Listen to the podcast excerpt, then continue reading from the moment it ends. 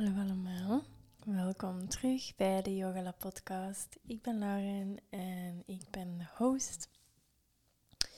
En als je voor de eerste keer luistert naar de podcast, welkom. Ehm, meestal zijn het solo-afleveringen waarin ik gewoon deel wat ik denk, wat ik ervaar, waar ik over heb gereflecteerd, bepaalde lessen die ik heb geleerd. En heel soms uh, komt er ook eens een gast, maar vandaag, zoals de voorbije uh, weken, ben ik het gewoon die tegen mezelf praat. En um, in de hoop dat mijn ervaring niet enkel voor mij geldt, maar ook voor iemand anders.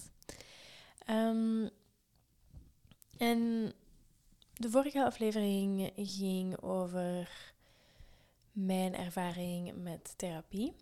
En als je zelf misschien al lang denkt om in therapie te gaan, of als je bepaalde twijfels hebt of vragen hebt, dan kan je misschien eens naar die aflevering luisteren. En vandaag is het een iets minder geplande aflevering. Ik wou gewoon een beetje zien wat er naar boven kwam. Eén keer ik mijn microfoon aanzetten. Ik had deze ochtend ook therapie.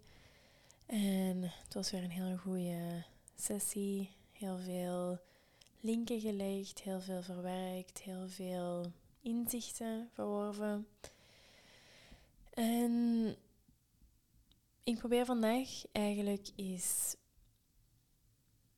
iets anders. Of ik heb mijn dag vandaag op een heel rustige manier gestart. Meestal probeer ik dat wel te doen. Um, maar ik had vandaag minder te doen dan uh, gewoonlijk. Een paar uh, van mijn normale dingen die ik op een dinsdag doe, zijn weggevallen. Waardoor er ineens heel veel tijd vrij kwam. En in die tijd heb ik een beetje kunnen journalen, kunnen mediteren. Um, ook wel Netflix kunnen kijken. Um, en ik ben in een soort van, niet per se emotionele, maar eerder een heel gevoelige uh, mood. En voor mij is dat een heel positieve ervaring in de zin van dat ik heel gevoelig ben voor de kleinste veranderingen in energie of de kleinste shifts in mijn omgeving. Waar dat ik meestal, uh, als, dat, als ik voel dat dat het geval is, probeer gebruik van te maken.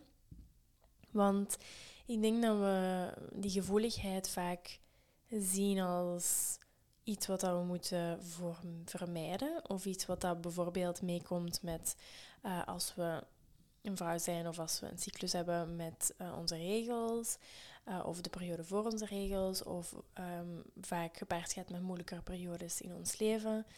Um, en dat is iets waar ik al ook vaak over gesproken heb. Over die gevoeligheid en ook in mijn aflevering met Pieke over hoogsensitiviteit. Um, maar ik heb soms het gevoel, en dat is misschien een unpopular opinion, dat de focus op het hoogsensitieve voor mij um, meer het negatieve dan het positieve um, benadrukt of onderlijnt. Dat is mijn ervaring van de voorbije paar jaar, waarin ik in de eerste plaats um, te weten kwam dat ik hoogsensitief was via mijn uh, therapeut.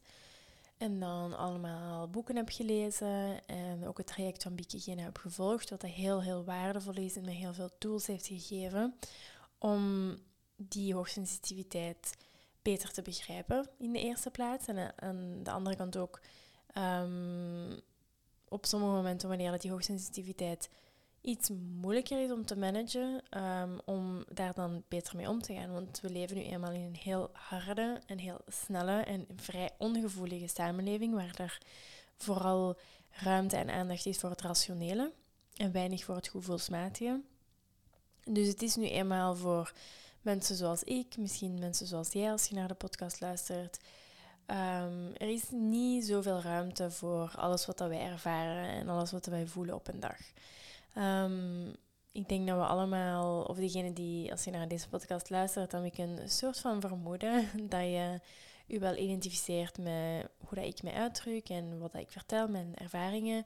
Dus ik praat dan in het meervoud, in, in de zin dat ik denk dat wij um, soms beginnen geloven dat onze gevoeligheid een obstakel is. En eigenlijk alle krachten en alle talenten die meekomen met die gevoeligheid negeren of ehm, eigenlijk niet meer kunnen appreciëren. En dat is soms, ja, we moeten natuurlijk verantwoordelijkheid nemen. Ik ben niet iemand die graag de schuld afschuift op iemand anders of op iets anders.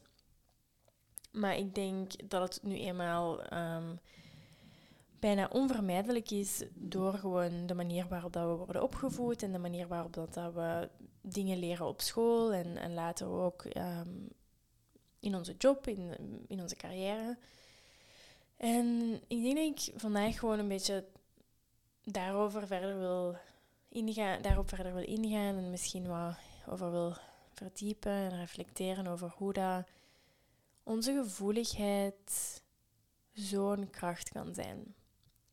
Want eens ik mijn gevoeligheid accepteerde en zag als een onderdeel van mezelf en niet iets waar ik mij voor moest schamen, niet iets wat mij minder krachtig of minder sterk of minder waardig maakte dan iemand anders, pas vanaf dat moment kon ik mijn gevoeligheid in, um, op een positieve manier gaan gebruiken en inzetten.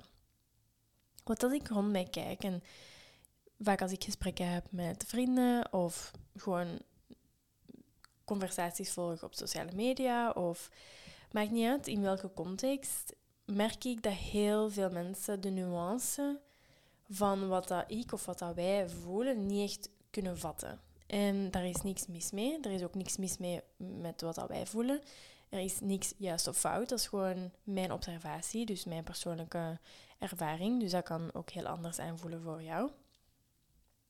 Maar ik merk bijvoorbeeld dat de, de dingen die ik belangrijk vind, de dingen waar ik waarde aan hecht, ehm, de dingen waar ik mijn energie in wil steken en de dingen waar ik geen energie aan wil geven, dat die heel moeilijk te vatten zijn voor mensen, voor individuen die niet dezelfde emotionele diepgang hebben als ik. En, en daarbij wil ik ook zeggen dat ik er ook van overtuigd ben dat eigenlijk veel meer mensen heel gevoelig zijn, of zo gevoelig zijn als ik, dan dat, dat, ik denk of dat, dat de wereld denkt of dat mensen zelf denken. Want ik denk dat heel veel van ons zo geleerd hebben om al onze emoties en al onze gevoelens te onderdrukken, dat we eigenlijk van buitenaf heel ehm, koud of heel kil of heel onverschillig lijken. Terwijl dat ik uit ervaring ook weet dat sommige mensen die heel um, niet per se ja, koud is misschien zo'n heel hard woord, maar mensen die eerder rationeel overkomen, mensen die niet superveel waarde lijken te hechten aan hun emoties en aan het gevoelsmatige, die zich laten leiden door het rationele, door het wetenschappelijke, door het, door het feitelijke en minder door het gevoelsmatige, dat uiteindelijk die mensen vaak ook heel gevoelig zijn en heel veel, een heel complexe wereld hebben waar dat ik dan gewoon of wij geen toegang toe krijgen omdat er een soort van schild is opgebouwd door ervaringen uit het verleden waarin dat, dan misschien, dat ze misschien wel zichzelf toonden en wel hun lieten leiden door een emotie en dat dat op een negatieve reactie kreeg door familie, door mensen die hun opvoeden, door um, leerkrachten, door um, iemand in, in uw uh, in je job of op je werk. Dus ik weet ook dat de conditionering die heel hard aanwezig is in onze samenleving om alles te onderdrukken, om alles bij jezelf te houden, om alles te verzwijgen, alles dood te zwijgen, dat dat een enorme impact heeft op de mate en, en, en de capaciteit van mensen om hun emoties te uiten en om die te voelen. Want ik denk dat het voor mij een enorme opluchting was om gewoon te kunnen zeggen van oké, ik ben nu eenmaal iemand die veel voelt en iemand die veel uh, diepgang ervaart in eender welke ervaring. Um, want dan zorg je ervoor dat er een soort van um, nieuwe status quo werd gecreëerd, die ik dan zelf wel moest creëren, maar die er wel voor zorgde dat in veel van mijn ehm, relaties, of toch naar mijn ervaring, misschien dat ik dat meer ervaarde dan de andere persoon, omdat die daar misschien minder bewust van was van het proces dat ik doormaakte. Maar dat er meer ruimte was voor mij om mijn emoties te tonen. En was dat eigenlijk iets wat na een tijdje gewoon verwacht werd. Um, uiteindelijk werd dat een soort van nieuw normaal. Dat, of misschien dat dat altijd zo geleken heeft. Of dat dat niet normaal voor mij was, maar niet voor de andere persoon. Dat kan ik natuurlijk niet zeggen. Maar voor mij werd dat een soort van nieuw normaal, waarin dat ik degene was die altijd, of degene ben nu, die altijd zich laat leiden door het gevoel, die heel empathisch is, die, um, ja, die moeite heeft met enkel rekening te houden met het rationele. En dat zorgt ervoor dat er een soort van verwachtingspatroon wordt gecreëerd dat mij eigenlijk de ruimte geeft om mezelf te zijn en om, ja, om gewoon alles te voelen en alles te ervaren wat dat ik op dat moment wil voelen en ervaren. Dus ik ben daar heel blij om dat dat proces is, ehm, of dat innerlijke proces, dat proces bij mezelf is geëvolueerd zoals het uh, is geëvolueerd.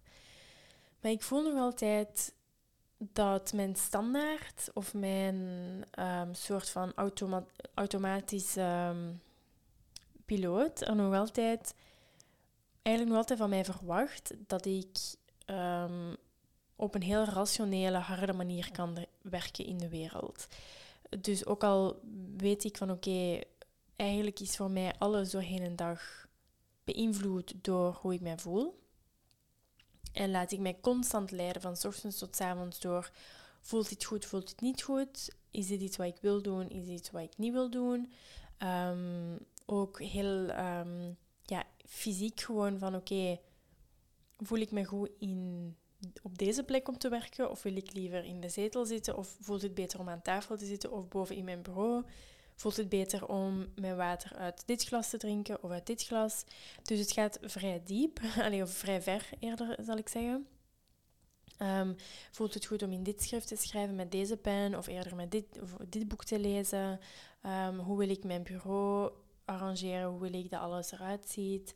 Um, dus dat is een heel proces natuurlijk, iets wat elke dag evolueert, elke dag verandert. Maar dat is iets wat ik wel heel belangrijk vind. Maar toch merk ik dat zelfs in dat proces van op zoek te gaan naar wat dat het beste aanvoelt en wat dat mijn gevoel zegt dat het juiste is op dat moment, dat er enerzijds bepaalde factoren zijn die mijn uh, oordeel uh, verstoren.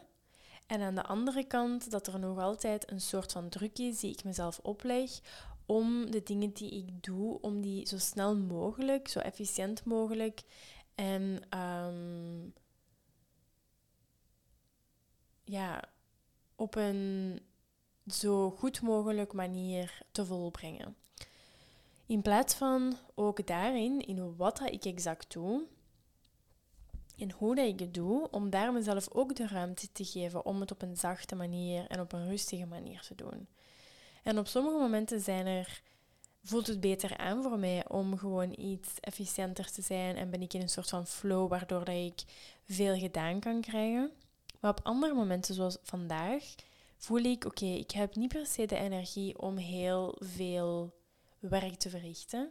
Ik heb niet per se de energie om uren achter mijn computer te zitten en ideeën uit het niks te gaan creëren en die dan helemaal in de wereld te brengen en helemaal uit te werken.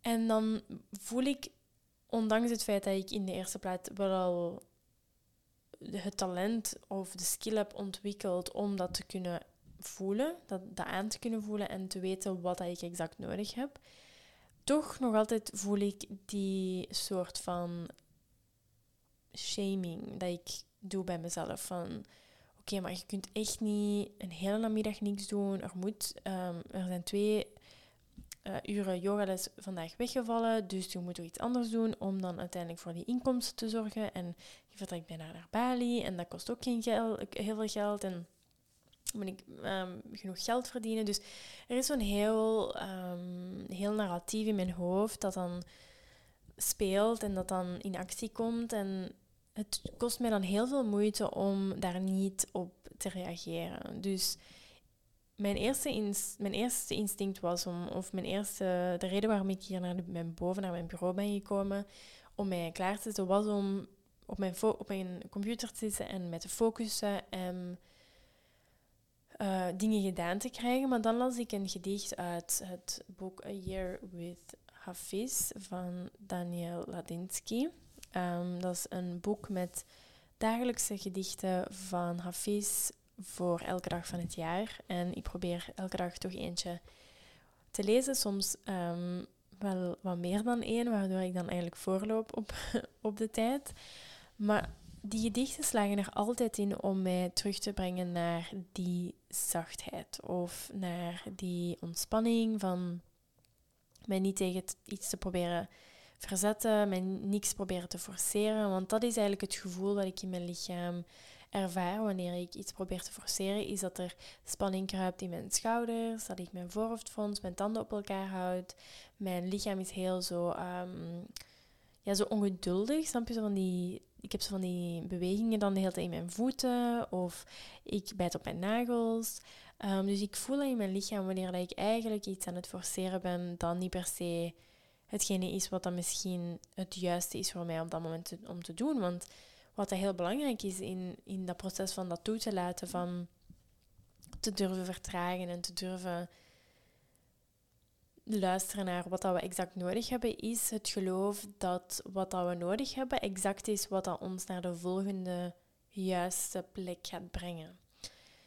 En ik ben er heel hard van overtuigd dat de dingen niet per se altijd op een heel logische manier tot ons komen. Dus dat succes of de dingen die we graag willen bereiken in het leven, dat die niet altijd op de meest verwachte manier tot bij ons gaan komen. Dus dat het ook niet altijd evenveel zin heeft om ons door te werken om die dingen te bereiken.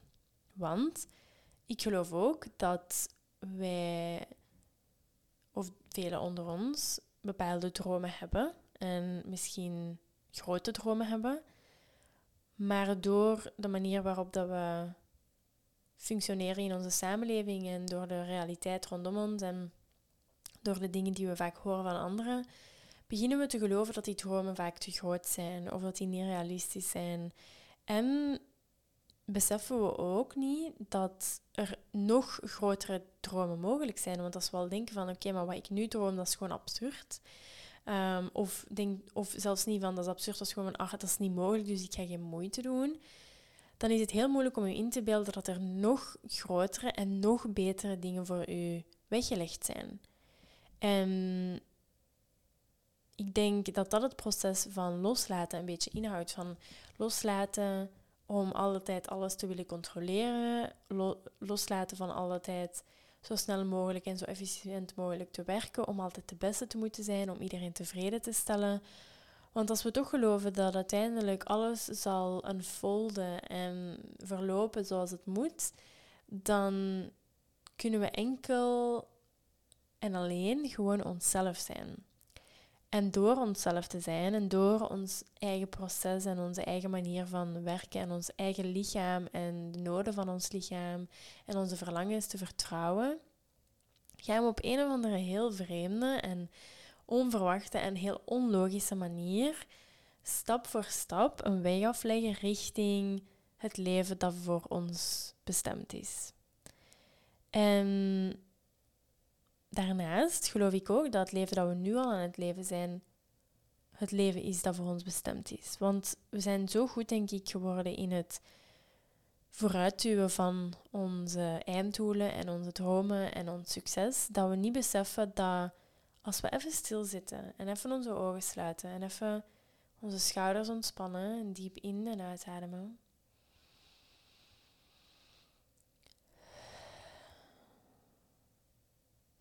En als we even rondom ons kijken,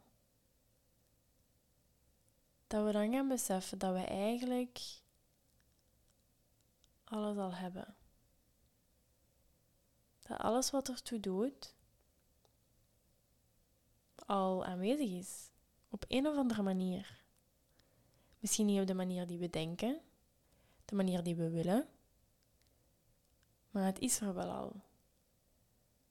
Misschien in de vorm van een idee, of een droom, of een verwachting, maar het is er op een of andere manier wel al. En ik denk dat het gewoon soms nodig is om een soort van reframe te doen van oké, ik kijk nu al zo lang naar dezelfde situatie op dezelfde manier. Misschien kan die situatie helemaal veranderen door er gewoon op een andere manier naar te kijken. En dat is de kracht van onze geest, van ons, van ons denken, van ons, uh, ons bewustzijn.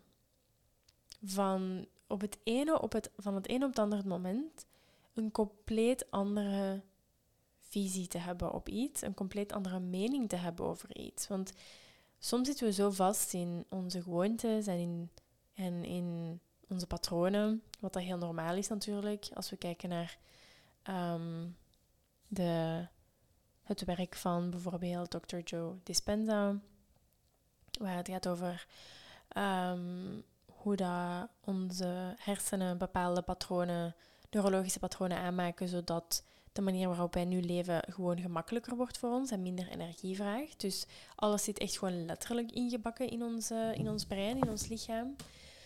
Dus soms vraagt het gewoon om even de moeite te doen om op een andere manier naar een situatie te kijken. Bijvoorbeeld, ik probeer of daarnet toen ik hier naar boven kwam en eigenlijk de intentie had om soort van tussen aanhalingstekens hard te werken, um, was ik dan, had ik, heb ik gewoon mijn hele gevoel kunnen veranderen door één gedicht te lezen.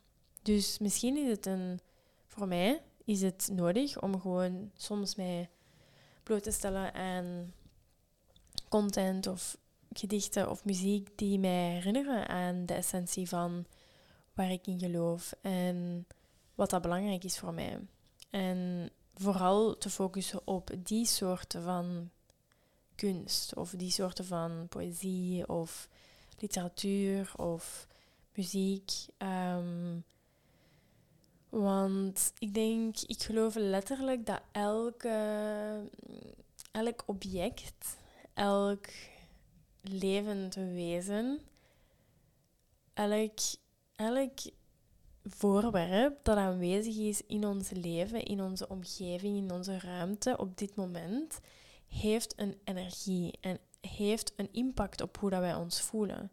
Dus als jij naar je kamer kijkt en er is iets wat dat u stoort aan je kamer en wat dat je daar niet mooi aan vindt of vindt dat ervoor zorgt dat het uit balans is, dan heeft dat een reden. Bijvoorbeeld, dat een, nee, dat is geen dom... Ik wou mezelf al weer gaan minimaliseren. Maar dus, ik vind ons... Dus, oké, korte situaties. Dus, ik heb een... Um, we hebben een bedovertrek. Dus een hoeslaken um, dat vrij groot is. Want mijn vriend is vrij groot. En die uh, heeft graag dat het de het hoeslaken tot onder zijn, onder zijn voeten kan komen en dan tot over zijn hoofd. Dus het moet een heel lang hoeslaken zijn. Maar het enige hoeslaken dat we hebben dat zo groot is, is een, blauw met, uh, een wit met blauwe strepen. En ik vind dat geen mooie laken, of ik vind niet dat dat laken past in onze kamer. Onze kamer is helemaal wit met um, houten accenten. En dat is iets wat ik altijd zeg van, Lauren, zet u erover. Het is maar een hoeslaken. Het maakt echt niet uit. Maar elke keer als ik naar onze kamer kijk, dan denk ik, ach, dat hoeslaken. en ik weet dat hoeslakens vrij duur zijn. Of als, zeker als je toch goede kwaliteit uh, wilt hebben. Wat we wel nodig hebben, aangezien dat onze kat uh, Toulouse altijd op ons bed slaapt. En er soms ook wel wat op kneedt of dapt. Uh, waardoor dat er makkelijk zo dingetjes loskomen. Maar dat het laken dat we nu hebben is heel goede kwaliteit, waardoor dat, dat precies niet gebeurt. Mm, alleszins. Eigenlijk ben ik tot de conclusie gekomen gisteren dat ik dringend een nieuw hoeslaken moet kopen dat aan de ene kant een kleur heeft dat in onze kamer past, namelijk wit of beige. En dat ook lang genoeg is, zodat mijn vriend dat helemaal over zijn lichaam krijgt. En dat hij niet met zijn voeten onder de deken uit moet slapen. Dus dat is een van de voorbeelden waarop ik, waarvan ik geloof en van overtuigd ben dat de kleinste details ertoe doen. En ik denk dat we zo vaak horen van dat zo van die details, dat dat allemaal luxe problemen zijn en dat we blij moeten zijn met wat we hebben, wat dat ook waar is. Dat is wat ik daarnet al zei, van appreciëren wat dat we hebben en ervan overtuigd zijn dat eigenlijk alles wat dat we hebben in onze omgeving is op een of andere manier en dat we het gewoon op een manier tot bij ons moeten krijgen. Maar aan de andere kant geloof ik ook in dat wij de kracht hebben om dingen te veranderen in ons leven, omdat wij nu eenmaal een manifestatie van het universum of een manifestatie van God zijn in, het fysiek, in de fysieke vorm, in de menselijke vorm. Dus wij hebben dezelfde krachten als het universum of als God of wat je het ook wilt ehm, noemen. Dus hetgene wat dat het universum voor ons kan doen, kunnen wij ook voor onszelf doen. Bon, we zijn al van gevoeligheid helemaal naar het universum. Wij zijn het universum in menselijke vorm. Dus we hebben al een hele weg afgelegd. Um, ik ga even van mijn koffie drinken.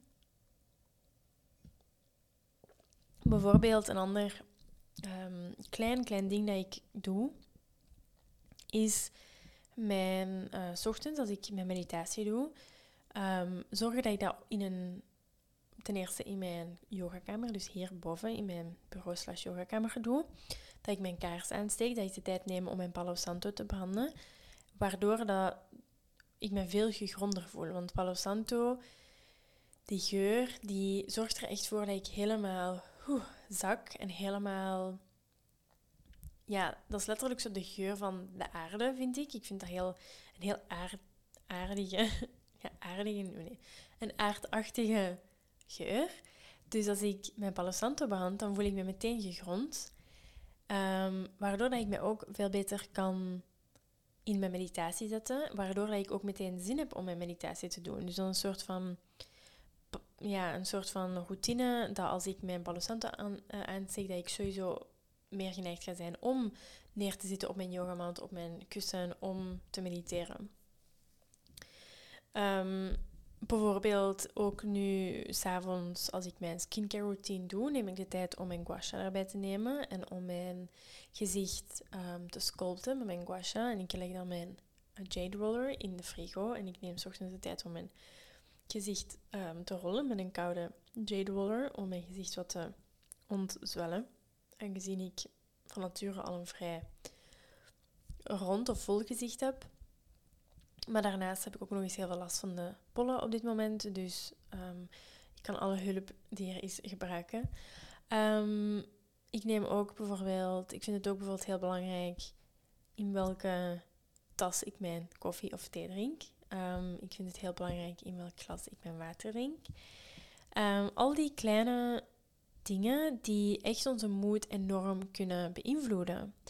En dat uh, gaat dan ook tot wat we aandoen. Um, zelfs ons ondergoed bijvoorbeeld. Ik heb zo een paar uh, heel mooie uh, bamboe onderbroeken van Hara de Label. Ik weet niet of je dat merk kent, maar dat is een Australisch merk. Dat is helemaal natuurlijk, met natuurlijke verf gemaakt. En van bamboe super, super zacht.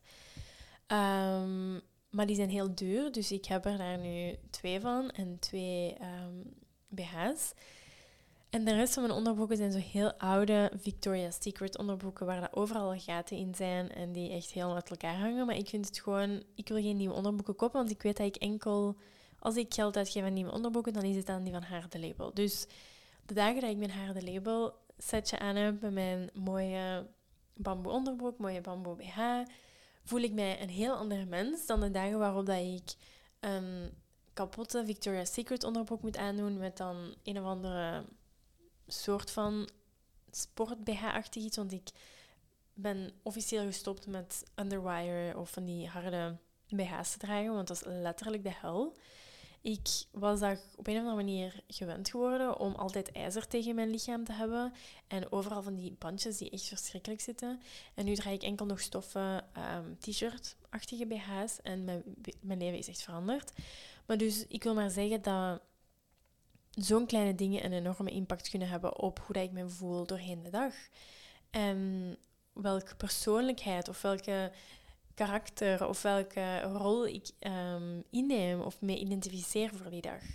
Dus dat gaat eigenlijk, de link is er nog altijd met het originele thema van de aflevering, namelijk die gevoeligheid of um, die. Ja, ik denk gevoeligheid linken we altijd met emotie. Met van oké, dat is iemand die heel veel voelt of veel snel weent. Of die heel snel geëmotioneerd is met films. Of, en dat is ook zo. Maar die gevoeligheid heeft ook een heel andere dimensie. In de zin van dat ik heel snel kan aanvoelen wanneer een bepaald persoon of object of um, situatie de juiste energie heeft voor mij op dat moment. Um, en dus ik ook heel, heel specifiek en heel kieskeurig kan zijn in de dingen en de mensen en de situaties waar ik mij mee omring. Want ik denk als we dat we allemaal gewend zijn om eigenlijk daar heel um, niet kieskeurig in te zijn, omdat we denken dat dat, dat misschien, ja, hoe moet je dat zeggen, zo arrogant of um, ja, dat dat een soort van negatieve toon heeft van ik ben kieskeurig en ik, ja, of dat dan een soort van moeilijk doen is. Um, maar ik denk dat, dat dat ook een reframe is die we kunnen doen. Van dat hoeft niet per se gezien te worden als iets als moeilijk doen, maar eerder als ik weet wat ik wil en ik weet dat goed is voor mij. En dat maakt het voor de mensen rondom mij misschien ook makkelijker om te weten wat dat ik, wat, waar dat ik blij mee ga zijn, bijvoorbeeld. Um, en dat zorgt er ook voor dat ik veel betere grenzen kan stellen. Dat ik beter kan zeggen van dit is wat ik wil en oké, het kan zijn dat iemand anders daar niet blij mee is, maar dat is nu eenmaal hoe het is. En ik ga dat echt niet meer verbergen of ik ga dat niet meer minimaliseren of ik ga niet. Um, ik ga niet. Uh, hoe moet ik het zeggen? mijn eigen noden en eigen verlangens op de tweede plaats zetten. Want als we dat allemaal doen, dan wordt het niemand zijn perfecte realiteit. Of dan kan niemand zijn exacte droom realiseren of ja, creëren. Dus ik denk dat we allemaal dat het ik denk daar ook, dat er ook een beetje een paradox zit daar. Want degenen die meer met dat gevoelsmatige bezig zijn of die daar meer waarde aan hechten en die daar onvermijdelijk ook meer aandacht aan besteden, dat die vaak ook net beter of meer um, zich soort van aanpassen aan de ander uit schrik voor een bepaalde reactie, omdat we nu eenmaal gevoelig zijn voor anderen hun energie of anderen hun um, reacties of ervaringen.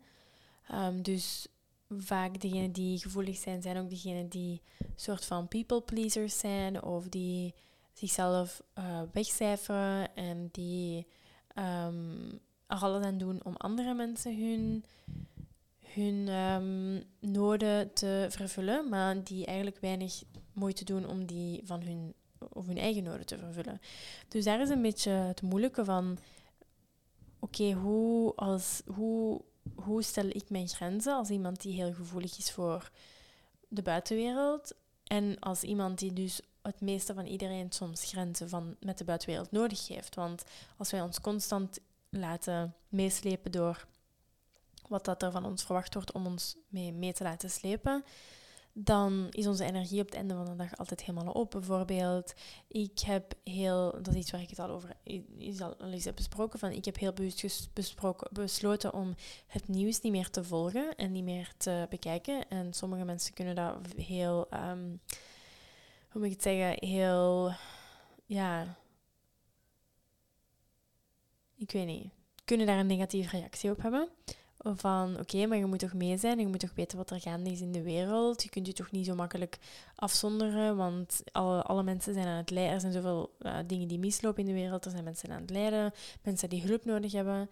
En ik begrijp het argument, maar ik heb gewoon ervaren dat wanneer ik te veel mij laat meeslepen door alle sensatie en door alles wat er misloopt op dagdagelijkse basis in de wereld, heb ik gewoon nul energie meer over om voor mezelf te zorgen. Want voor mensen die dat makkelijk van zich kunnen afzetten, is het één ding om het nieuws te volgen. Ook al geloof ik dat dat voor iedereen op bepaalde momenten traumatisch kan zijn. Ehm, maar voor iemand die letterlijk alles, alle, elk woord, elke elke beweging, elke verandering, alles in zich opneemt en verwerkt en met zich meedraagt, is het nu eenmaal nodig om heel duidelijke grenzen te stellen. Duidelijke grenzen in wanneer mensen mij kunnen contacteren. Duidelijk, bijvoorbeeld, ik heb geen notificaties opstaan op mijn gsm buiten van mijn telefoon. Ehm, dus ik bekijk mijn berichten en mijn messenger en mijn WhatsApp en Instagram op mijn eigen tijd en wanneer dat ik beslis dat ik daar naar wil, naar wil kijken. Ik zeg enkel ja tegen dingen waar dat ik oprecht zin in heb. En oké, soms zijn er momenten waarop ik een klein beetje een compromis moet doen of water bij mijn wijn. Maar dat is helemaal oké, omdat ik ook weet dat dat nu eenmaal in sommige situaties nodig is om... Ja, soms is het nu eenmaal nodig, maar meestal, ik zou zeggen 80% van de tijd, zeg ik enkel ja tegen dingen waar dat ik volledig um, mij of gereed voor voel of, of ja, waar ik de energie voor heb. Ik um, volg niks op Instagram of op Facebook van pagina's waarin dat het vooral rond angst zaaien gaat en het soort van creëren van sensatie. Ik probeer niet bezig te zijn met verhalen die eigenlijk niks met mij te maken hebben en waar ik eigenlijk geen invloed op heb en waar ik ook eigenlijk moeilijke mening kan over vormen, aangezien dat ik de situatie of de personen die in de situatie vermengd zijn niet ken. Bijvoorbeeld um, no shade naar degene die het wel volgden, maar het was zo, uh, onlangs, of ja, ik denk dat dat nu zelfs nog bezig is, de Johnny Depp versus uh, Amber Heard trial. En iedereen was daar zo obsessief mee naar aan het kijken. En geen enkel probleem als dat u plezier brengt. Maar ik weet gewoon van, ik heb de energie daar niet voor om dat te volgen. Want ten eerste, ik weet niet wie wat heeft gedaan. Ik ga echt geen van mijn energie daarin steken. En als, dat, als ik wel mijn energie in zo'n gelijkaardig iets anders steek, bijvoorbeeld, dan is dat omdat ik dat zelf wil. En omdat ik weet dat ik me daarvan kan afsluiten of dat je kan loslaten. Maar bijvoorbeeld, ik kijk, um, ik was onlangs, waar hadden wij de serie de uh, Lincoln Lawyer gekeken. En ik vond het echt een heel uh, goede serie, omdat ik er ook echt helemaal in opging. En ik was oké, en is hij schuldig, is hij onschuldig? Wat gaat er gebeuren? Waar gaan we naartoe?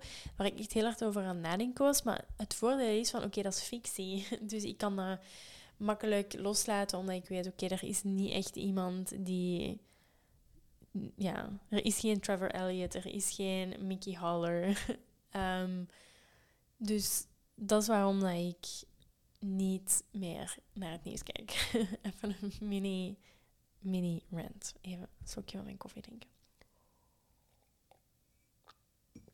Ik denk ook gewoon dat ik de laatste jaren, vooral de laatste maanden en weken, um, meer en meer mijn eigen mening vorm over dingen. En soms heb ik ook geen mening over dingen, omdat dat ook helemaal oké is. Ik denk niet dat we over alles een mening moeten hebben.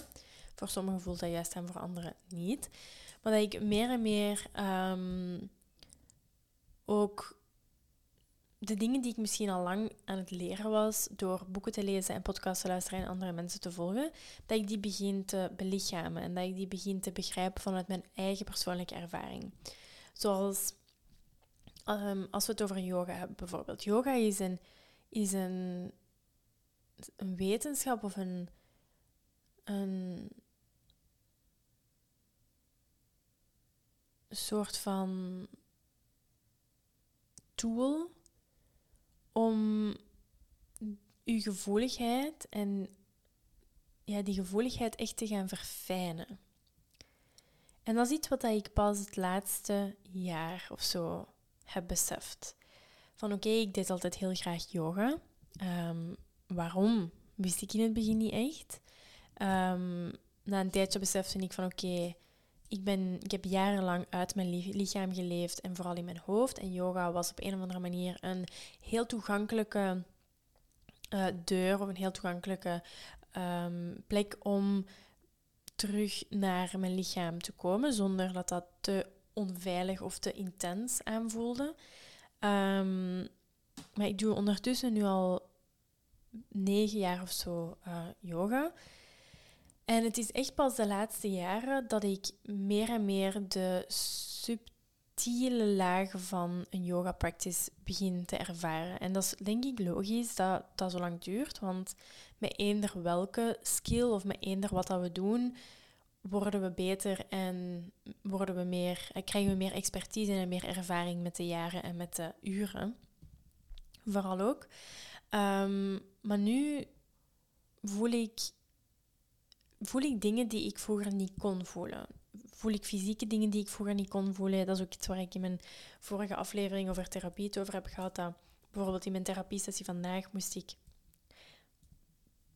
um, iets naar iets gaan voelen. We hadden een soort van opstelling gedaan en ik moest ergens staan. Het ging rond het thema vrijheid. En ik kon eigenlijk binnen de... In vijf minuten eigenlijk helemaal ontdekken of toch die eerste lagen gaan verkennen van oké, wat komt er naar boven als ik bij die vrijheid sta? Of wat, wat gebeurt er in mijn lichaam? Wat wil ik doen? Wil ik naar achter stappen? Wil ik naar voren stappen? Wat gebeurt er met mijn handen? Welke beelden komen er naar boven? Maar met welke fase van mijn leven link ik dat? Dus dat is een heel proces dat zich vroeger um, over een heel uur uitrekte of soms over meerdere sessies en iets wat dat nu makkelijker wordt en makkelijker wordt met de tijd. En het is nog altijd niet, ik ben nog altijd niet perfect of zo. En ik denk ook niet dat daar een perfect in bestaat. Um, want enkel onze persoonlijke ervaring en uh, wat dat wij als persoon en individu voelen, uh, is hier belangrijk. Maar dat is iets wat dat, denk ik ook heel hard ondersteund wordt door mijn heel... Uh, heel consistente yoga practice. En vanavond ga ik naar de Ashtanga yoga. En ik ben al even niet meer geweest, omdat ik de laatste weken zo moe ben van mijn allergiemedicatie, dat ik echt gewoon bijna hele dagen aan het slapen ben. Um, gelukkig gisteren ben ik naar de acupunctuur geweest voor de eerste keer om er iets aan te doen. En ik voel me eigenlijk al, ik weet niet of dat als kan, maar ik voel me eigenlijk al veel beter vandaag. Misschien zijn de pollen gewoon veel minder. Dat kan ook. Um, maar dus vandaag heb ik voor de eerste keer iets meer energie en heb ik zin om naar de Ashtanga Yoga te gaan. En ik heb vooral heel veel zin om dezelfde practice, want Ashtanga Yoga is elke keer als je nog nooit Ashtanga hebt gedaan, dat is altijd dezelfde sequence, dus altijd dezelfde houdingen. Um, dat is zoals een soort van dans die uh, elke keer hetzelfde is. Um, en ik heb zin om vandaag nog iets dieper te gaan verkennen van oké, hoe voelt elke houding in mijn lichaam? Proberen bij elke houding en elke beweging heel aanwezig te zijn. Want soms zijn houdingen heel uh, of wat moeilijker of intenser, uh, waardoor of in, op zo'n momenten hebben we vaak de neiging om ons lichaam te verlaten en om in ons hoofd te gaan en ons proberen af te leiden door aan dingen te denken. Dat is een heel automatisch proces waar dat we vaak zelfs niet bewust van zijn. Maar je moet er maar eens op letten dat op momenten van van discomfort of momenten dat we bijvoorbeeld ook in een situatie zijn waarin dat we eigenlijk ons heel ongemakkelijk voelen, dat we heel snel um, ons proberen af te leiden op een of andere manier. Ofwel door iets met ons lichaam te doen, iets van bewegingen, ofwel kruipt er heel veel spanning in ons lichaam, bevriezen we, uh, ofwel um, gaan onze gedachten echt alle kanten op om maar iets te hebben om op te focussen buiten het moment zelf. En dat is waarom dat ze ook zeggen bijvoorbeeld dat uh, cold exposure heel voordelig kan zijn voor bijvoorbeeld mensen met uh, angsten of bijvoorbeeld um, voor mensen die geneigd zijn om uit hun lichaam te gaan, die hun zenuwstelsel gedereguleerd is, omdat we met heel gecontroleerde en heel um, graduele opbouwing van blootstelling aan koude, dat we onszelf kunnen leren om aanwezig te blijven in, in momenten van, heel, van serieus um, discomfort. Dus bijvoorbeeld, dat hoeft niet per se meteen in een uh, koude douche te zijn, maar bijvoorbeeld je kan eens een kom, uh, kom met ijskoud water nemen en daar ijsblokjes in doen en dan je hand daarin steken. Dat is ook een van de tips van ehm, Nicole Lapera, de holistic psychologist, uh, voor zenuwstelselregulatie. Als je je hand daarin steekt en um, probeert in plaats van ja, weg te gaan van de sensatie van het koude hand en u af te leiden en proberen zo snel mogelijk um, ja, de tijd laten voorbijgaan. Proberen te focussen op die sensatie van hoe voelt dat om mijn hand in dat ijs te houden en wat gebeurt er, wat voel ik. En dat is een manier waarop dat we onszelf kunnen leren om ons veilig te voelen, om onszelf te reguleren op momenten van um, ja, dat we ons eigenlijk niet comfortabel voelen in ons lichaam. Um, er was nog iets wat ik wou zeggen, maar nu ben ik het vergeten. Mm, wat ik te zeggen? Ja, alleszins, misschien komt het straks terug. Um, maar dat is denk ik iets wat nu dat we het over zenuwstelselregulatie hebben, dat is iets wat dat denk ik heel, heel belangrijk is voor iedereen. Ik denk letterlijk iedereen. Uh, iedereen heeft een zenuwstelsel. Iedereen heeft, denk ik, wel op een of andere manier stress in zijn leven. Ik denk dat de ene al iets um, beter bestendigd is tegen stress. En um,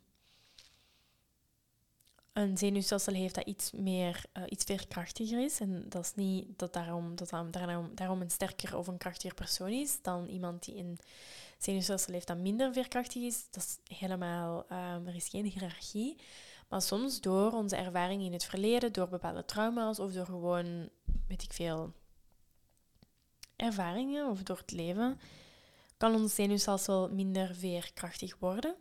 Uh, omdat we door bepaalde ervaringen hebben aangeleerd dat het veiliger is om uit ons lichaam te gaan, of het beter is om in een constante staat van stress te zijn, of misschien door onze manier van opvoeding of onze thuissituatie hebben aangeleerd.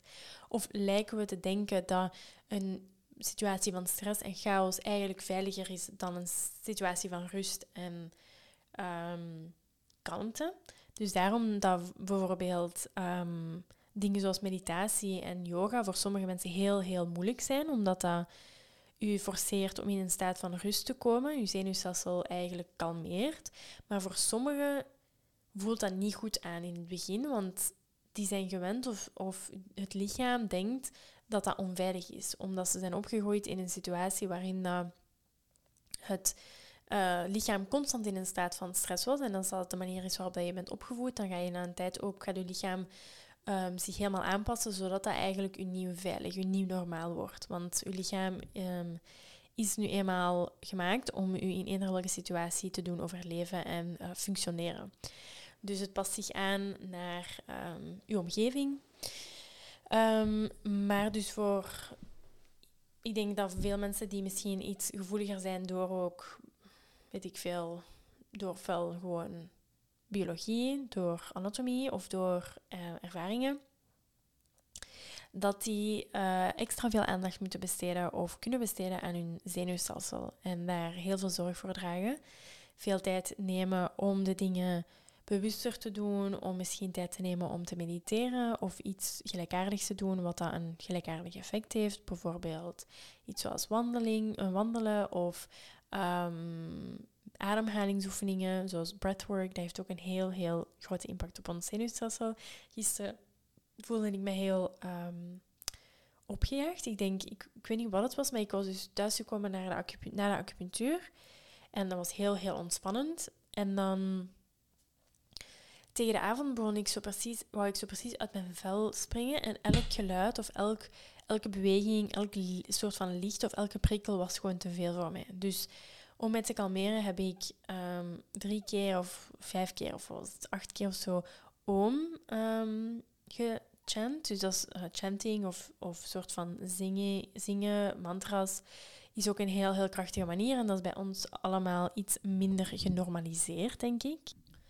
Ik denk dat er zo nog een beetje een taboe rond uh, bestaat, rond dingen zoals oom. En dat is allemaal zo heel zweverig. En ja, Alleszins, het heeft een enorm sterk effect op je zenuwstelsel. Je moet het maar eens proberen. Er is een reden waarom dat het al meer dan 2000 jaar beoefend wordt en waarom dat het zo een grote rol speelt in heel veel soorten yoga.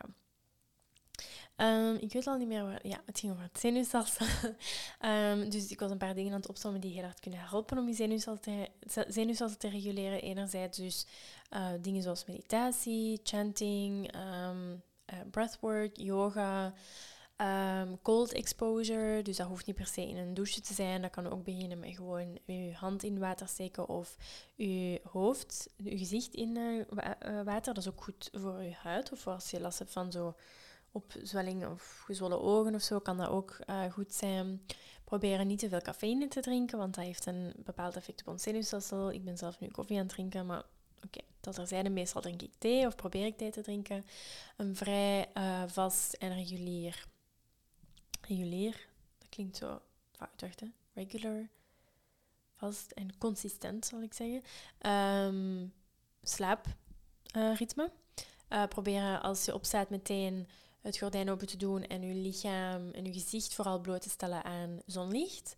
Uh, dat hoeft geen direct zonlicht te zijn, maar ik probeer toch zo het gordijn open te doen, even op mijn bed te zitten en dan het licht op mij te laten komen, zodat je lichaam in een soort van uh, terug in je circadian rhythm komt, omdat we door onze gsm's en de lichten en zo, vroeger ja, leefden wij gewoon met het licht van de zon en gingen we slapen als het donker was, uh, maar nu kunnen we langer opblijven door licht en door elektriciteit en uh, vaak ook door onze gsm blijven we langer wakker en, en hebben we meer, langer energie.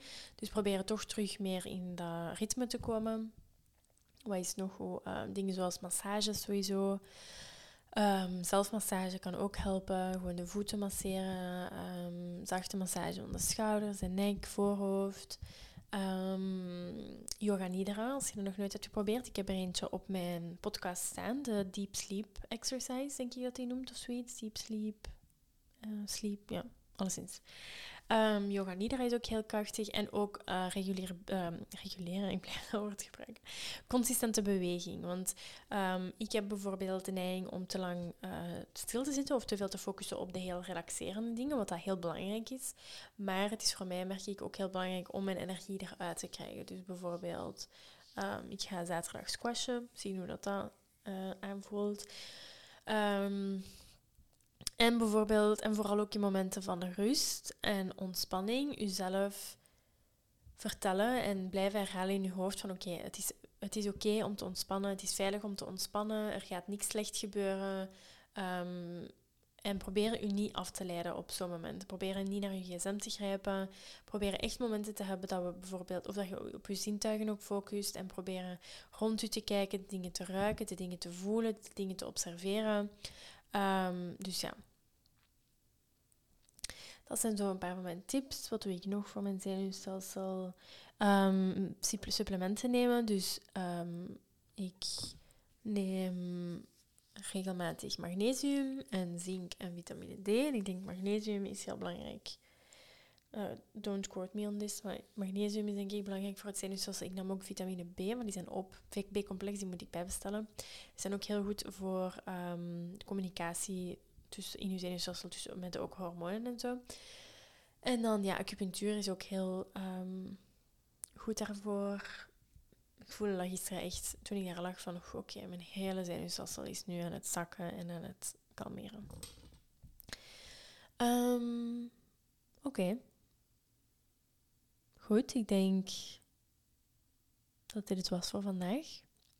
Ik ga denk ik nog een beetje lezen of nog een beetje journalen. Veel water drinken, zoals mijn um, acupunctuurvrouw gisteren zei. Veel water drinken. Ik, heb, ik, moet veel, ik mag enkel nog warme voedsel en drankjes consumeren, dus niks kouds meer. Um, en nu moet ik het geduld hebben om,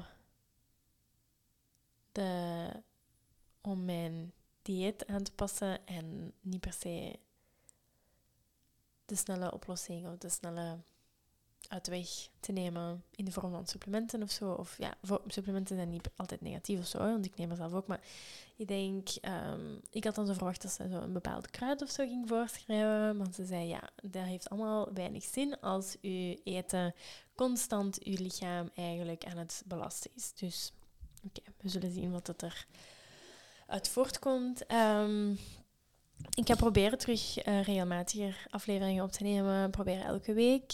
Um, ja, dat ga ik toch proberen. Ik ga geen beloftes maken, maar ik denk dat een beetje consistentie mij wel deugd gaat doen.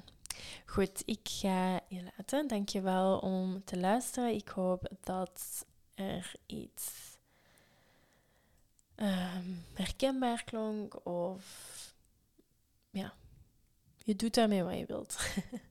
um, ik wens je nog een hele, hele fijne dag, hele, hele fijne week. En dan hoor ik je heel graag in de volgende.